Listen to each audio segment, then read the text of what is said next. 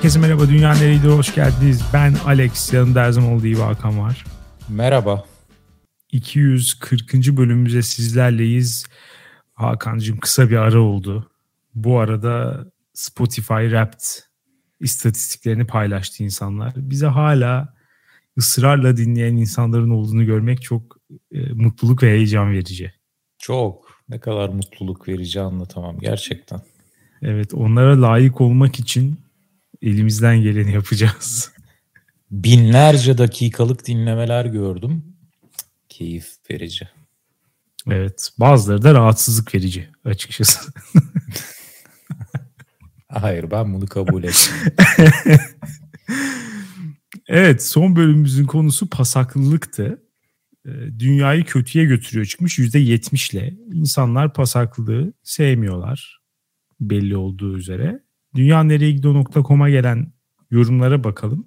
Müzmin Pasaklı demiş ki yalancının pasaklılık konusundaki hassasiyetini dinlerken çok utandım ve tüm evi dip köşe ovmaya başladım.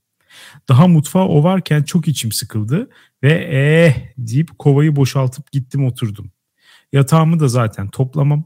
Bilim insanları yatağınızı hemen toplamayın bir havalansın diyor zaten. Pasaklıyım demiş. Ya pasaklı olduğun zaten çok belli. Hem adı, adından olmasa bile söyle yani şimdi şu bahaneyi zaten uyduran bir insan pasaklı olacağı kesin. Bilim insanları yatağınızı hemen toplamayın bir havalansın diyor. Bunu araştırıp evet bahane bulmaya çalışmak ya ama suçlu bir pasaklı zihine işaret ediyor. Evet birazcık gurur duyması gerekiyor bence bu kişinin pasaklığıyla. Hı hı. Kendini kabul lazım. edip kendini sevmesi gerek. Bence de. Dağınık ama pis değil. Demiş ki Alex'in dağınıklık, pislik ve pasaklık tanımlarına %100 katılıyorum. Çünkü ben de dağınık bir insanım ama asla pis değilim. Bunların arasında düzgün bir ayrım yapılmazsa küserim. Neyse ki yaptık. Küsmedi. Evde pijama dışında ara bir şey giymenin mantığı ise şudur. Bütün evi temiz alan ilan etmek gerçekten çok zor. Çünkü bazen insan dışarıdan gelip oturuyor. Hadi sen dikkat etsen misafir gelip gidiyor. Bunun için savaşacağımız muharebeleri iyi seçmeliyiz. Yatak ve mümkünse yatak odası kurtarılmış bölge olmalı ve oraya sadece pijama ile girilip oturulmalı. Evde de dışarıda giydiğimiz kot pantolonlara diz izi yapmak istemeyeceğimiz ve sevdiğimiz polarlara evde yemek yaparken soğan kokusu sinmesini engellemek isteyeceğimiz için bir de ara bir form olarak ev kıyafeti giymeliyiz demiş. Hmm. Ya benim açıkçası yine de aklıma yatmadı. Bu evde iki ayrı kıyafet giyme olayı mı? Ya evet fazla iş gibi geliyor bana. Ya anlıyorum mantığını tabii ki. Yani zaten e, yalancı arkadaşımız açıkladığında da anlamıştım. Bu da gayet makul mantıklı argümanlar ama yani değer mi ya? Değmez benim için değmiyor. Doğru diyorsun. Ben de bir dönem uygulamaya çalıştım ama motivasyonu sürekli kılamadım. Ama bir de benim şöyle bir avantajım var. Ben eve girdiğim gibi yaklaşık max 2 dakika içinde zaten pijamamı giymiş olurum. Öyle eve girip de yarım saat, bir saat dışarıda giydiği kıyafetlerle takılan bir insan değilim. Ama tabii ki yorumcu buna der ki misafirlerine de eve girdikleri gibi pijama mı veriyorsun? Ya Veya onu da bırak ondan öte şeyleri de var. Ama. Hani bunlar gün Haklı. içinde evde yaptığın aktivitelerin de zaten yine üstünü başını pislettiğini düşünüyorlar ayrıca. Böyle bir durum işte da var. orada misafir etkisi var. Sadece sen salonunda yani hiç kimse girmeden salonda pijamanla oturuyorsan yani ona bence, da pis diyebilirler gerçi. Çünkü bence evet. yine de diyecekler. Birazdan bir tane yorum var. Onda bu konuyu tekrar konuşuruz. Evet. Temizlik, ee, pislik zihindedir. Bunu kabul ederim. Stalk mağduru demiş ki programa katılıp benim stalkladığım kişiyi doğru tahmin etti Hakan. Kendisi umarım beni agresif tweetlerinin konusu yapmaz demiş. Vallahi yapabilir. Söz ne bu? Buna. Ne bu? Evet. Dinliyorsan bir stalker'ın olduğunu ortaya çıkardık. Evet. Dikkat et abi. Yani sıkıntılı yorumlar olabilir. Kendisi erkek arkadaşlarından bahsetmek istemiş. Diyor ki bana denk gelen erkeklerin ortak özellikleri zihinlerinin de çevrelerinin de inanılmaz düzenli ve temiz olması.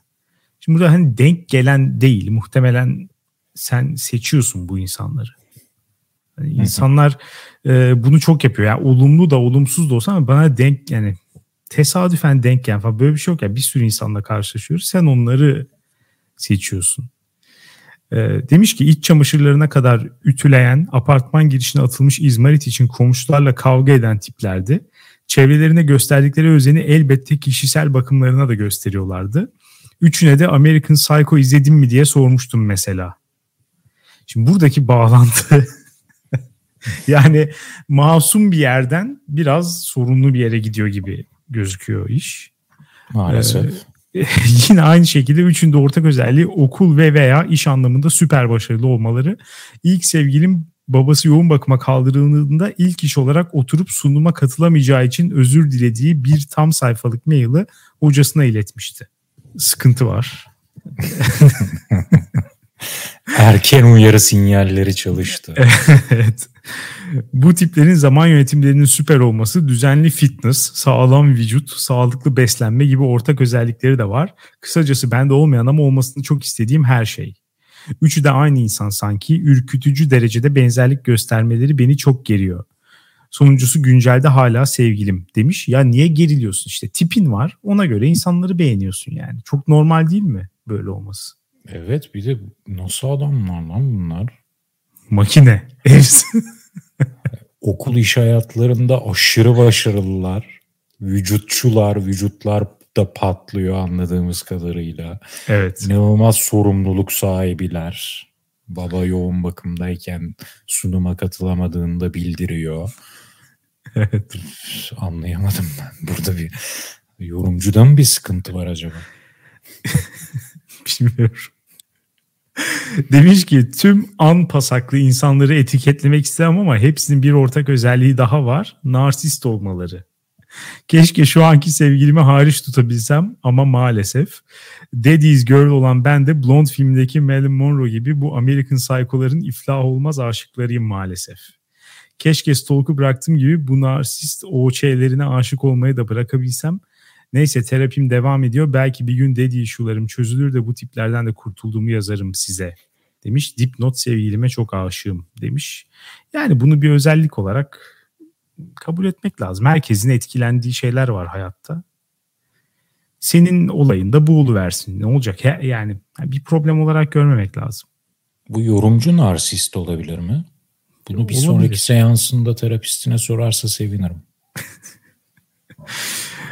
Ona da bir ödev vermiş olduk böylece.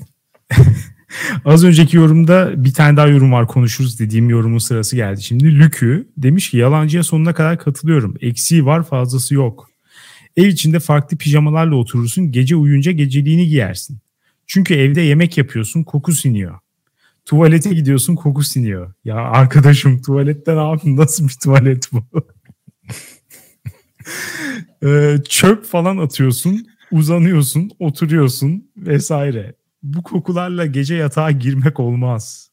O yüzden değiştirirsin. Ya çöp atıyorsun. Yani bu evet de, devam ediyorum. Demiş ki sabah... ben bu zihnin işleyişini çok iyi anlıyorum. O yüzden burada dalga geçemezsin Alex.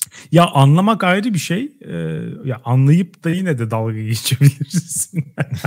ya bir, bir de hak ama vermiyorum. Bel- hak vermiyorum. Anladım. Yani şunu belirtmek zorundayım. 50 yaş üstü olmayan herhangi bir insanın geceliği olamaz. Bu yorumcu acilen ya yaşını ya yorumunu ya hayatını bir gözden geçirsin. Gecelik bizim annelerimizin sahip olduğu bir kıyafette artık kalmadı diye umuyorum. Niye dizilerde falan seksi gecelikler oluyor? Dolayısıyla şimdi, gerçek hayata da sirayet ediyordur diye düşünüyorum. Sen şimdi niye durup dururken yorumcumuza seksi dedin ben onu anlayamadım. şimdi kendisini bilemeyeceğim. Kendisini bilemeyeceğim ama... Sen evli bir adamsın hatırlatmak istiyorum Alex. ee, demiş ki bu kokularla gece yatağa girmek olmaz. O yüzden değiştirirsin. Sabah uyanınca camı açarsın, havalandırırsın, yatağını toplarsın. Çünkü eğer o yatağı toplamazsan asla ev havalanmaz. Uyku kokusu diye iğrenç bir koku var. Lütfen dediğimi anlayın. Bu koku siniyor. ya bu kokular hepsi var bu arada ama hiçbir bence sinmiyor. Yani bu kokular koku gelip geçici bir şey. E, tuvalete girip çıktığında o koku seninle beraber devam etmiyor yani. Sen öyle olduğunu düşünüyorsan ama orada başka bir şey var muhtemelen. Yo yo ediyor. Eder. Molekül bunlar sonunda Alex. Ya tamam ama ya. üzerine o zaman, yapışan molekülleri de mi atıyorsun? Evet uçuşuyor demek ki belli bir noktada ki o kokular gidiyor ortadan. Yoksa her tuvalete girip çıktığında kıyafet mi değiştireceksin? Önemli olan koku değil. Oradaki bok molekülüyle yatağa girmek istemiyor bu insan. O bok molekülü kokma özelliğini yitirmiş olursa olsun. Bak bu başka bir şey ama. Koku siniyor diyor. Senin söylediğin başka bir şey. Partikül. Yani başka bir durum. O partikülü de öyle kıyafet değiştirerek üstünden atamazsın. Sifonu çektiğin zaman o partiküller zaten dağılıyor her tarafa. E, muhtemelen banyodan da dışarı çıkıyor. Evin her tarafına da gidiyor. Yani her tuvalete yüzden, girişten sonra duş alınması gerek. Al, onun da bir faydası olmayacak. Yani mutlak Çünkü temizlik diye bir şey olduğu yok. yere çıkacaksın değil mi? mutlak temizlik diye bir şey yok yani. yani imkansız böyle bir şey. Ama şu senaryoyu bir hayal et. Duşa girmişsin, duşunu yağlamışsın, köpükler. Müthiş. Çıktın ve yanlışlıkla bacağını klozete sürttün. Ya bu, bu mutsuzluk. Ya üzücü de hayatıma devam ederim yani. Ne yapabilirim?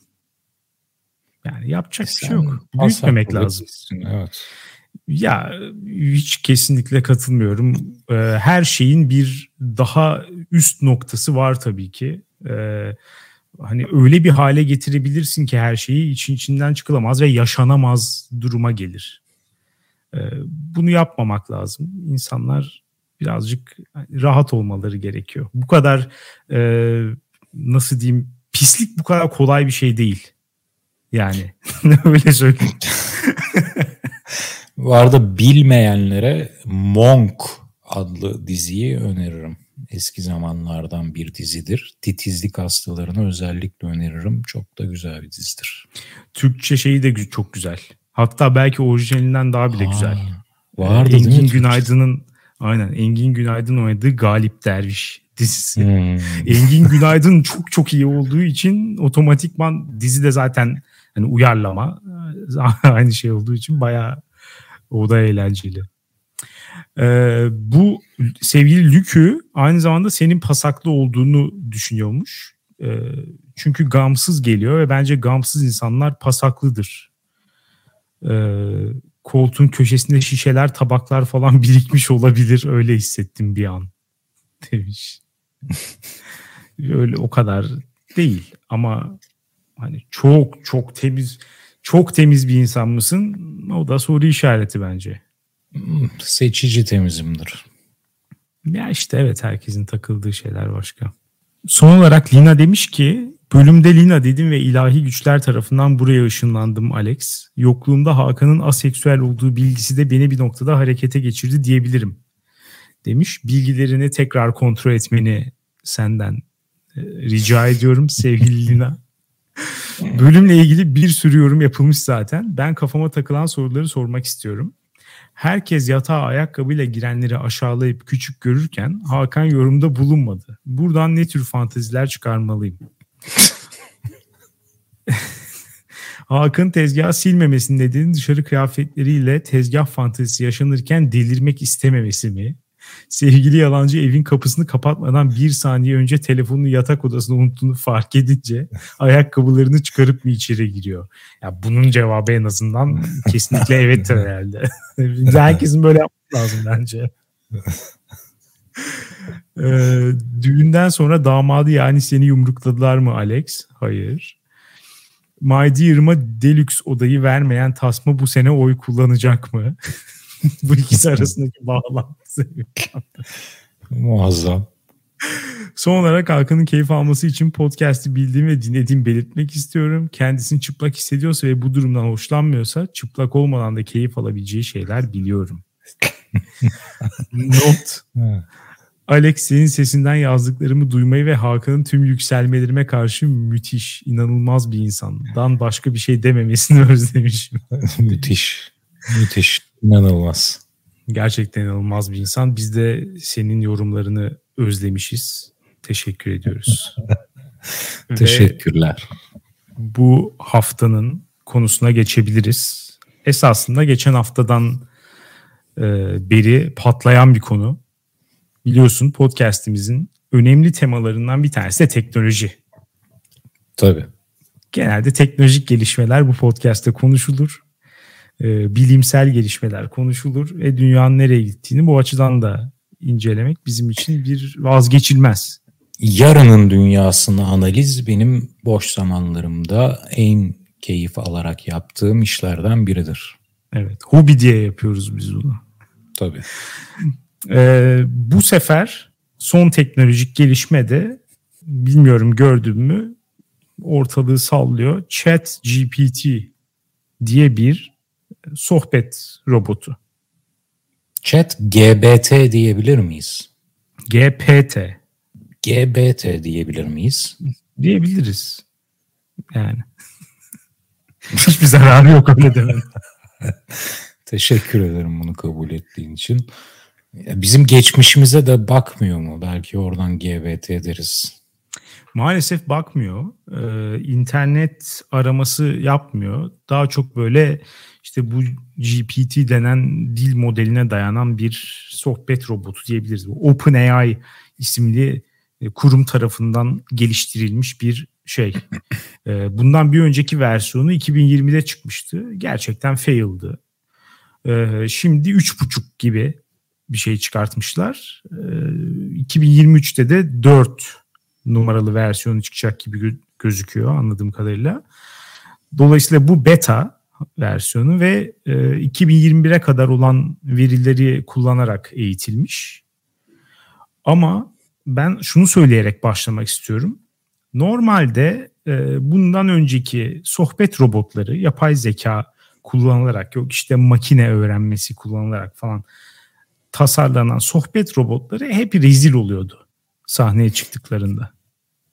Yani şey gibi böyle onun yapan mühendisler onu eğitiyor. Hazırlıyorlar böyle Rocky gibi bir şey yapıyor. Ee, koşuyor, ip atlıyor bilmem ne. iyi çalışıyor günü gününe çalışıyor. Sonra bir ringe çıkıyordu. İlk yediği yumrukta knockout oluyordu. Bunun önceki Bunda öyle bir durum yok mu? Ben ilk kez korktum. Açık söyleyeyim. Muhafazakar hissediyorum bu chat robotuyla etkileşime girdikten sonra. Aa sen de girdin. Neler sordun? Yani ya sorma tabii ki bir şeyler de sorabilirsin. Onun dışında hani görev de verebiliyorsun. Diyalog kurabiliyorsun. Bir sürü şey var, özelliği var. Ee, ama şeyi söyleyeyim. Mesela bundan öncekilerde şöyle bir problem vardı.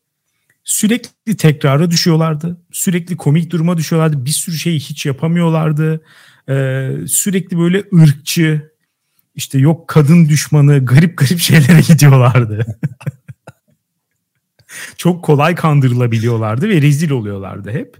Ee, benim gördüğüm kadarıyla ben de biraz denedim mesela hani komik bir şeyler çıkartmayı ve insanlar tabii ki böyle bir şey çıktığı zaman işte Twitter'da, Instagram'da falan hani bununla etkileşime girip bir e, memeable bir içerik çıkartmaya çalışıyorlar. Hani ben ona bir şey yazayım, o bana işte fail'lasın, saçma sapan bir cevap versin. Ben de işte screenshot alıp koyayım, buradan etkileşim alayım. Yani insanlar böyle bir şey çıktığı zaman bunun üzerine oynuyor. Benim gördüğüm kadarıyla çok fazla yok bunlar. Yapamıyorlar yani. Ürkütücü derecede bir yokluk mu mevcut? Maalesef maalesef. Birkaç tane şey var. E, tartışmaya girip göt edenler var.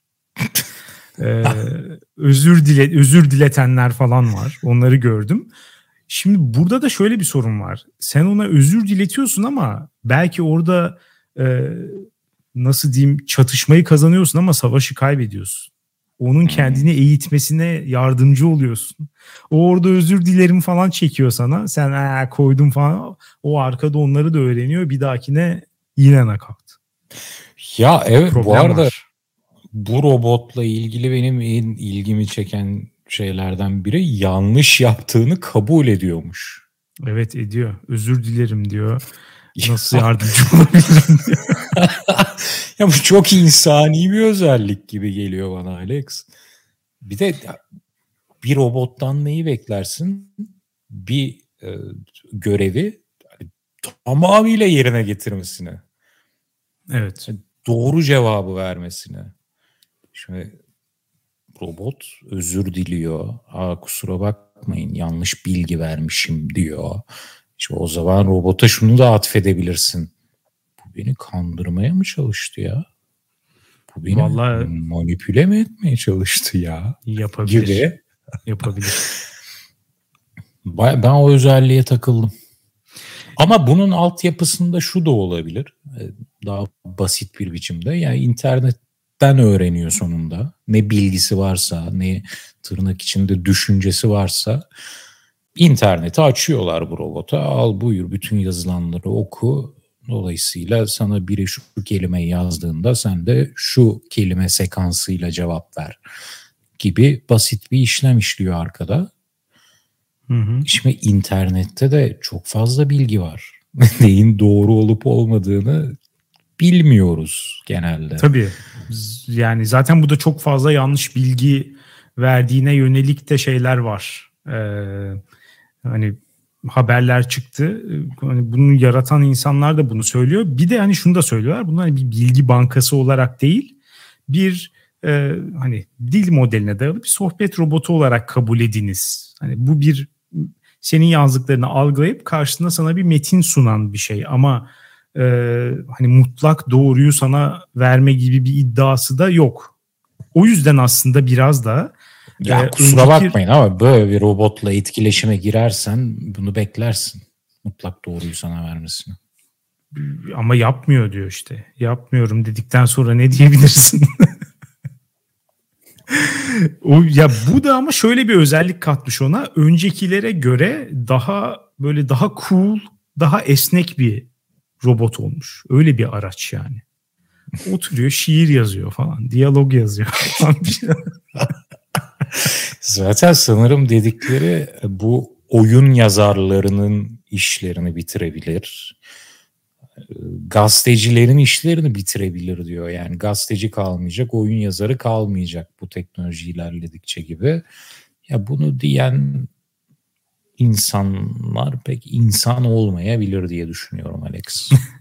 ya genel olarak metin yazarlığı konusunda bir şey e, tehdit yani öyle diyeyim ama ya böyle şeyler genelde e, mutlak evet ya da hayırla işlemiyor. Yani bunlar ne tamamen e, işe yaramaz saçma sapan şeyler olarak kalıyor. Ne de işte artık bu iş bitti. Bu alanda kimse çalışmayacak. Sadece bu araçla yerine getir. Böyle olmuyor. Genelde bir insan onu kullanarak bir şeyler yapıyor falan. Evet. Ya burada belki iki özellikten bahsedilebilir ki robotların insanlara yaklaşamayacağı alanlar. Biri uyku. Bunlar uyumuyor. Yani o da programlanabilir belki. Hayır hibernate uyku demeyeceğiz. Bak uyuyor diye bana gösteremezsiniz bunu.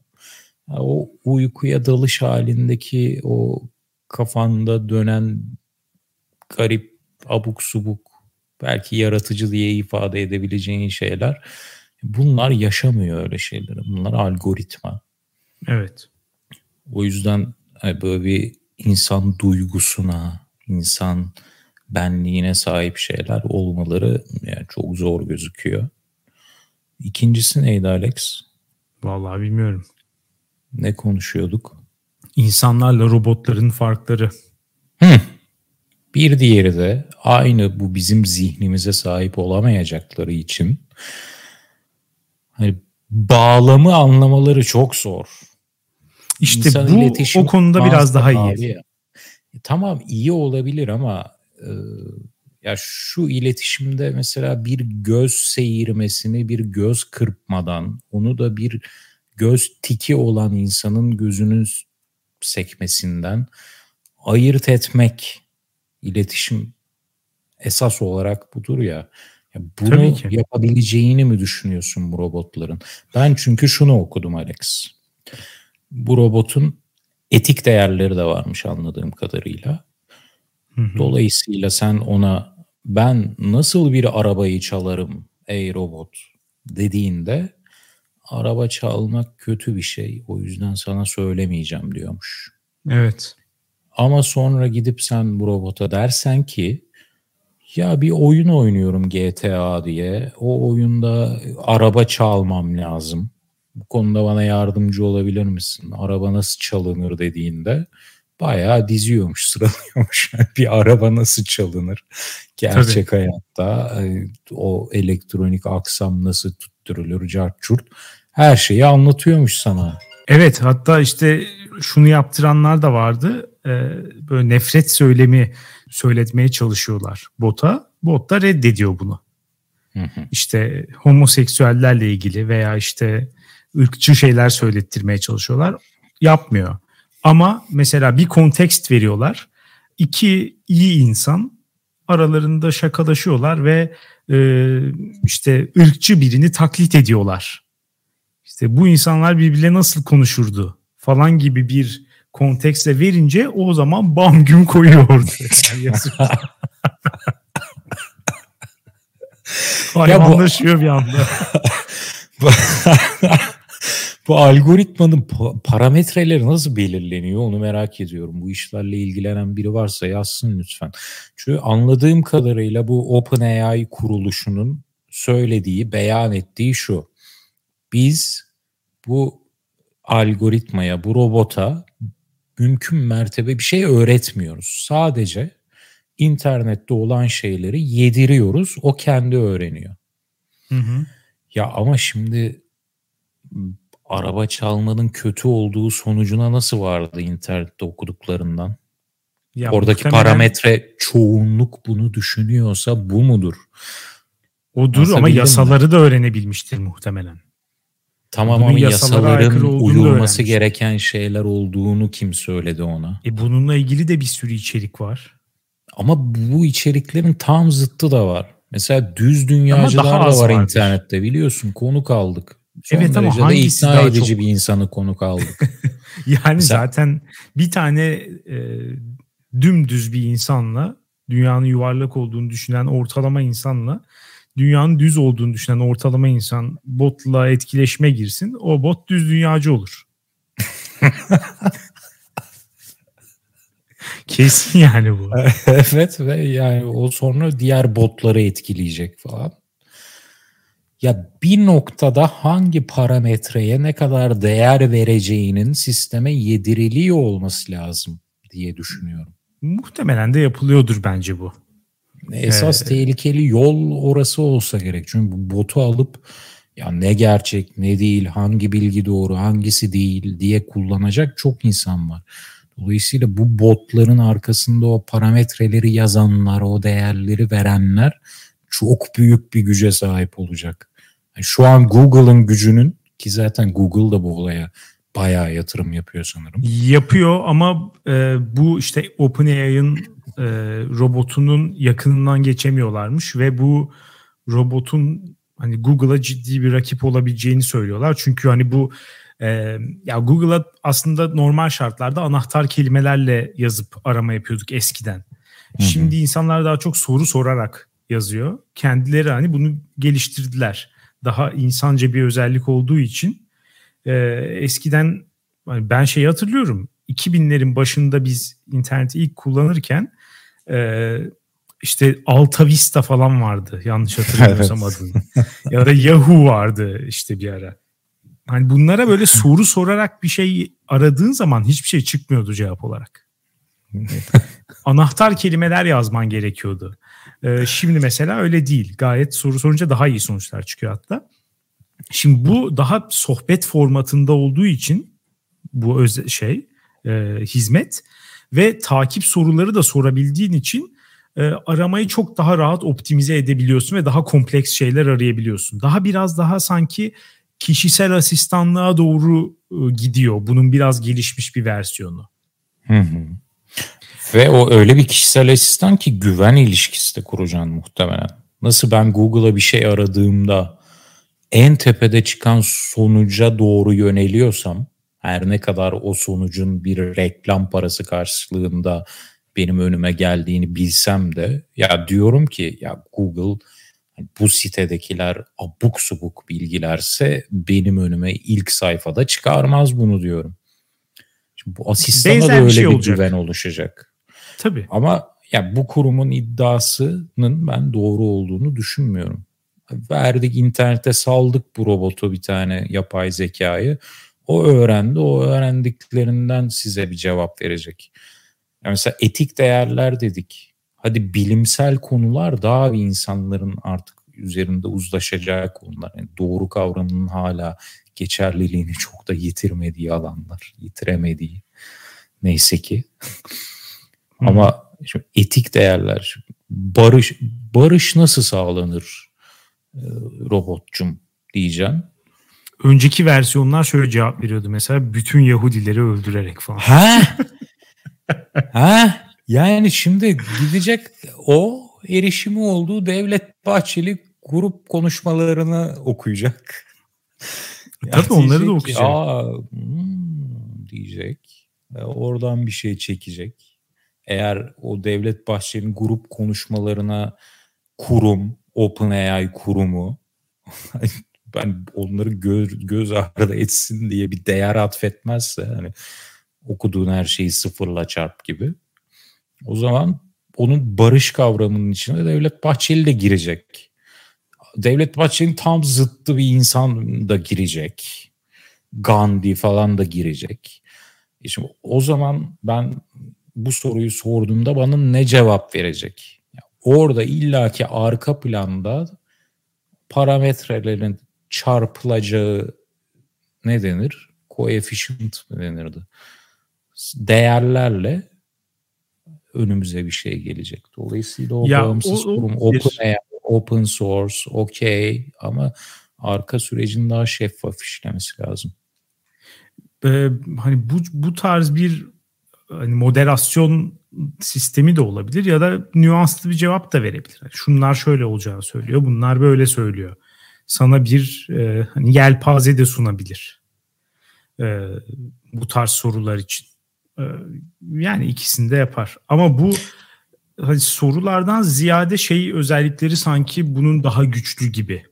Yani bir şey sorduğun cevabını aldığın gibi değil de gerçekten metin üretme özellikleri veya işte diyalog kurabilme, sana yazı yazma ve bunu yaparken de seni eskisi kadar garip hissettirmeme. Eskiden bunlarla muhabbete girdiğin zaman kendini çok garip hissediyordun. Her saniye karşındakinin bir robot olduğunu çok net bir şekilde anlayabiliyordun. Buradan daha e, daha sürtünmesiz, daha doğal ve akıcı bir şeye kayıyor olmamız deneyime beni birazcık endişelendirdi. Mesela ne hangi alanlarda kullanılabilir diye konuşuyorduk. Mesela sanat için de kullanılabileceğini söylüyor insanlar.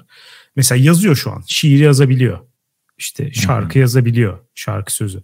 Mesela şey diyebiliyorsun işte. E, Hakan hakkında Hakan şöyle şöyle birisidir. Şu an şöyle şeyler yaşıyor hayatında. İşte onunla ilgili Sezen Aksu tarzında bir şarkı yaz diyorsun ve o şekilde bir hani kendi kapasitesi tahtında tabii ki. Ama bir şey yazıyor yani. O şeyi andırıyor sana. Ee, gerçekten üslubunu biraz şey mi yapıyorlar? Kablolara hafif kokain falan sürüyorlar. Etkisi artsın diye. Sezen Aksu şeyinde şarkı yaz deyince biraz beni de görün diyormuş makine. Ee, CD-ROM'dan koko döküyor. Gerçekten de bu arada şey yapıyor. Ee, hani iyi taklit ediyor ama mesela neden bu bence sanat alanında çok başarılı olmayabilir? Orada bir şey var. Bir tahmin edilebilirlik problemi var. Yani gidiyor senin girdiğin verilere göre ve istediğin e, şablona göre çok güzel bir taklit ortaya çıkartıyor. Ama bu yine de e, şablon olmaktan çıkmıyor. Mesela yapay zekanın yaptığı müzikler için de bu geçerliydi.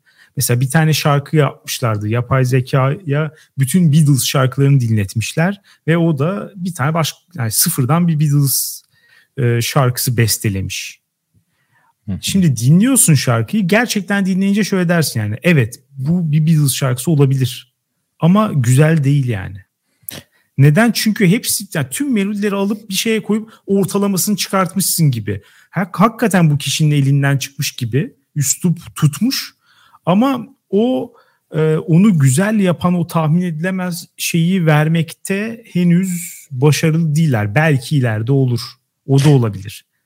Bence o şarkıları güzel yapan, o şiirleri güzel yapan tahmin edilemem edilememezlik evet var ama ötesinde duygularımız var bizim.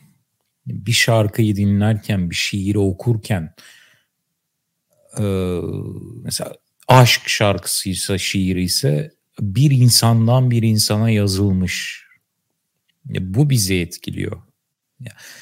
Dolayısıyla bu robot gidip bize Shakespeare'ı yedirdik ve bize bir Shakespeare'dan aşk şiiri yaz dedik. Ve bunu da alıp hakikaten bak bunu Shakespeare yazdı diye birine okuttuk. Ben orada yine e, bayılınabileceğini düşünüyorum. Ya bay, okuyan yine de tarafından. Çünkü hani zaten gibi hani benzerini hani ortala, üretiyor. Heh, ya ortalaması çıktı gibi ben böyle hani objektif bir kriterden girmeyeceğim. Okuttun, bayıldı. Ne zamana kadar? Bunu bir robot yazdı diyene kadar. Ya bu ben anlayış da değişebilir ama, ama ileride. Bana bunu dersen ki bunu bir robot yazdı. Ya o robotun o şeyleri yazarken arkada hiçbir şey hissetmediğini bilerek o şiiri bir daha aynı şekilde okuyamam. Nasıl ancak nasıl çözülür? Makinaların da duyguları olabileceği inancı kültürde oturursa. Bunu düşünenler de var. Geçen ben izlemiştim Google çalışanı. Google'ın bu chat robotuyla çalışan biri çıkıp şirketten istifa edip whistleblower olup bu makinenin duyguları var diye programlara katılıyor söylüyor. Yani işte ben bir insanla bu... konuştum mu anlarım. O bir insan diyor. İnsan demiyor da person, yani birey. Hı hı, evet.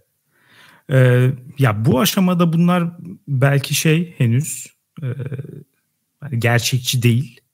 Ama bir yerden sonra bu e, şeyin bu çizginin flulaşabileceği de bence giderek e, daha mantıklı hale geliyor. Ya, bilemiyorum. Bilemiyorum yani işte yani. irade, an... hisler, duygular, bilinç hepsi biraz daha e, hani daha tartışmalı, daha her tarafa gidebilecek şeyler haline de geliyor yani. Ya gidebilecek ve şu an bu yapay zeka chat robotlarına karşı çıkmak hepimizin zihninde kendimizi şu kategoriye sokuyor. Bunu da itiraf edelim. Yani cep telefonları ilk çıktığında bunlardan bir cacık olmaz diyen gibi hissediyorsun. Gelecek orada diye pompalanıyor ama ben dediğim gibi bunların bu denli ele geçirme ihtimalini vermiyorum. Belki ben de cep telefonuna bakıp kim cebinde böyle bir şey taşır diyenlerdenim. Zaman gösterecek. Ya olmayabilir. Bence orada tahminden daha önemlisi hani olur mu olmaz mı değil de olsun mu olmasın mı? Bence hmm. temel şey bu. Ya e, insanlığın, dünyanın böyle bir şeye ne kadar ihtiyacı var? Bana çok ihtiyacı varmış gibi gelmiyor açıkçası. Hmm. Yani e, hani podcast'imizin ismine dönüp bakacak olursak bu dünyayı nereye götürüyor? Çok da avantajları sanki bahsedildiği kadar e, büyük şeyler sağlamıyor ve e, bu ya getirdiği avantajların bile dezavantajları çok fazla. Yani yan etkileri de çok iyi, olumlu değil. Hmm. Olabilir, katılıyorum ama bu alanda araştırma yapılması da bence iyi bir şey. Çünkü bilim tarihi şu örneklerle dolu. Bir amaç konuluyor. O amaca gidilmeye çalışılırken onlarca, belki binlerce, yüzlerce önceden tahmin edilemeyen buluşlar, fikirler ortaya çıkıyor, teoriler Tabii ortaya ki. çıkıyor. Belki o amaca ulaşmıyorsun ama gidilen yolda wow neler neler çıkıyor. Yani Bu evet. da o tarz alanlardan biri olabilir. Açıkçası ya ben mesela şeye çok karşı bir insanım. Hani uzay araştırmalarına karşı bir insan. Bence oraya giden para ve insan kaynağı çok daha makul şeylere harcanabilir ve harcanmalı. Ama gerçeklikte bir de şu var.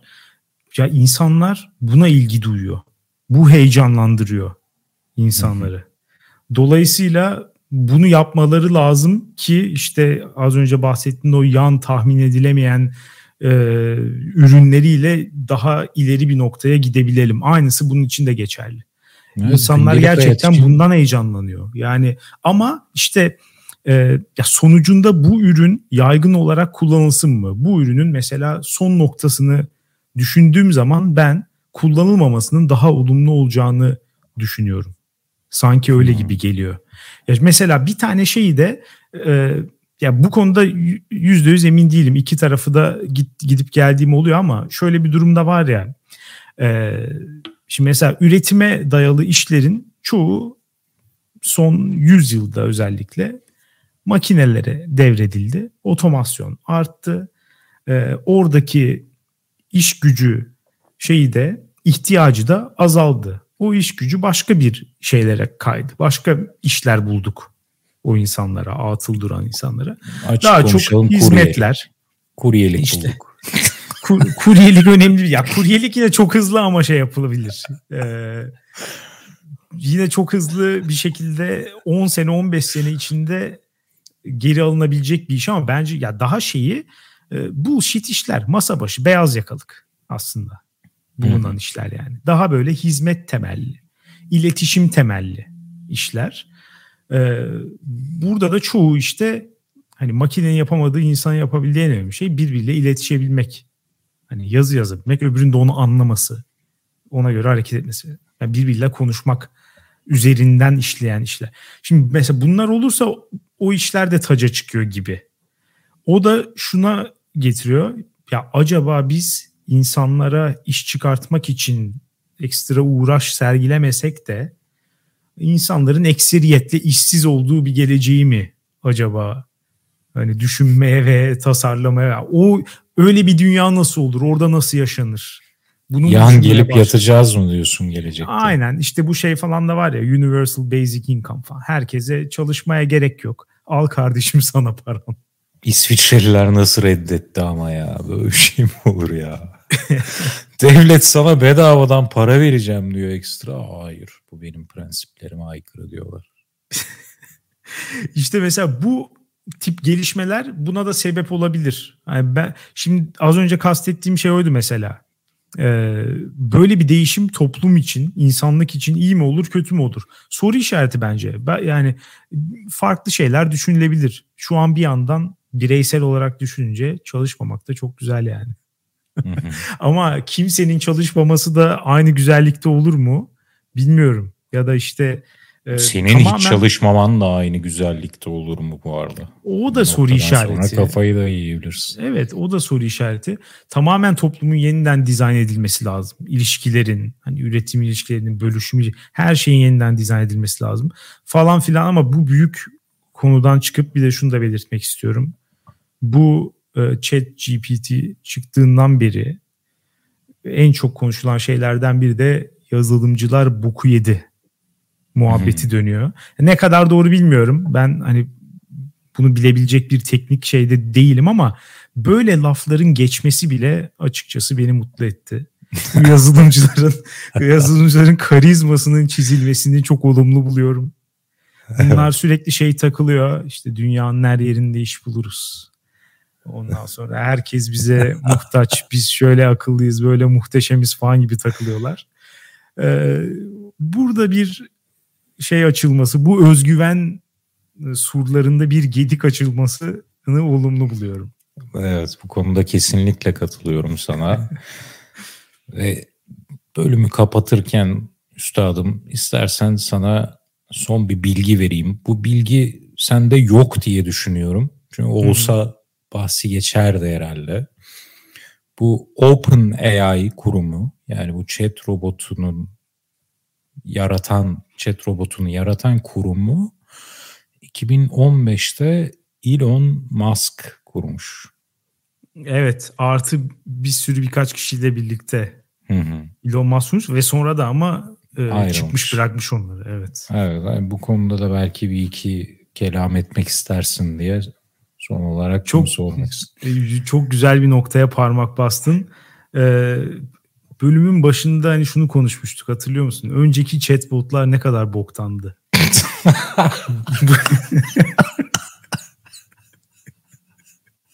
Halbuki bu ne kadar daha cool falan diye. bu iki şeyi birbirine tandem şeklinde gidebilir diye düşünüyorum yani. İkisini birbirine bağlayabiliriz belki. Hadi anladım. Anlıyorum. benim söyleyeceklerim bu kadardı. Evet benim de bu kadar ama sizin söyleyeceğiniz şeyler olabilir. Onları da dünyaneregidiyor.com'a bekliyoruz. Lütfen insanlar yazsın. Bize chat GPT'den yazdığınız şeyleri bize kakalamayın. Böyle şeyler var ya mesela şey diyorlar işte e, çocuklar ödevlerini chat GPT'ye yaptıracak. Ya işte chat GPT değil de hani bu tarz Ay, chatbotlar Olur bu arada bak evet o konu vardı kafamda hiç ona denk gelmedik. Ya okul sisteminin çöküşü. Olabilir. evet. Ya ödev sisteminde en azından. Ama onda da mesela şöyle e, önlemler alınabilir diyorlar. E, hani metnin içine öyle bir şeyler yerleştirecekler ki şey gibi watermark gibi onu kopyaladığın zaman oraya o da anlaşılacak aslında. O, hmm. Onun yaptığı bir insandan çıkmadığı. Hmm. Bu kare kod falan gibi bir şey yedirecekler. Yani, yani. ya evet o kodun içine iş, şey yap, işleyebiliyorlar ya. Ee, ya onu bu, kırarlar ya bence o konuda. Muhakkak hiçbir... o da Hepsinin bir panzehri var. evet. Kesinlikle onu e, çözerler yani. Ya özellikle mevzu gençler ve şeyse e, efor sarf etmeden sonuca ulaşmaksa muhtemelen bunu bunu bir şekilde eklemenin ve etrafından dolaşmanın bir yöntemi bulunacak. Ya bir de akla gelen bir soru da şey e, şimdi hepsi robota yazdırılacak. Sonra hocaya aynı 15-20 tane metin mi gidecek diye sorarsan da muhtemelen bu kişisel asistanlar dedin ya zaten hepsi hı hı. kişiselleştirilmiş olacak muhtemelen. Tabii aynen öyle seni de öğrenecekler. Evet senin muhabbetinden sana ayrı senin üslubunla bir şey yazacak evet. olabilir. Okul sistemi hmm, sıkıntıda. ya en iyisi biraz muhafazakarlaşalım artık. E, piyasaya sürmeyin kardeşim. Boykot. Sıkıntı olacak ya, ya yapmayın. Üç harflere GBT'yi de ekliyoruz. evet dinlediğiniz için teşekkür ederiz. Haftaya salı görüşürüz. Güle güle.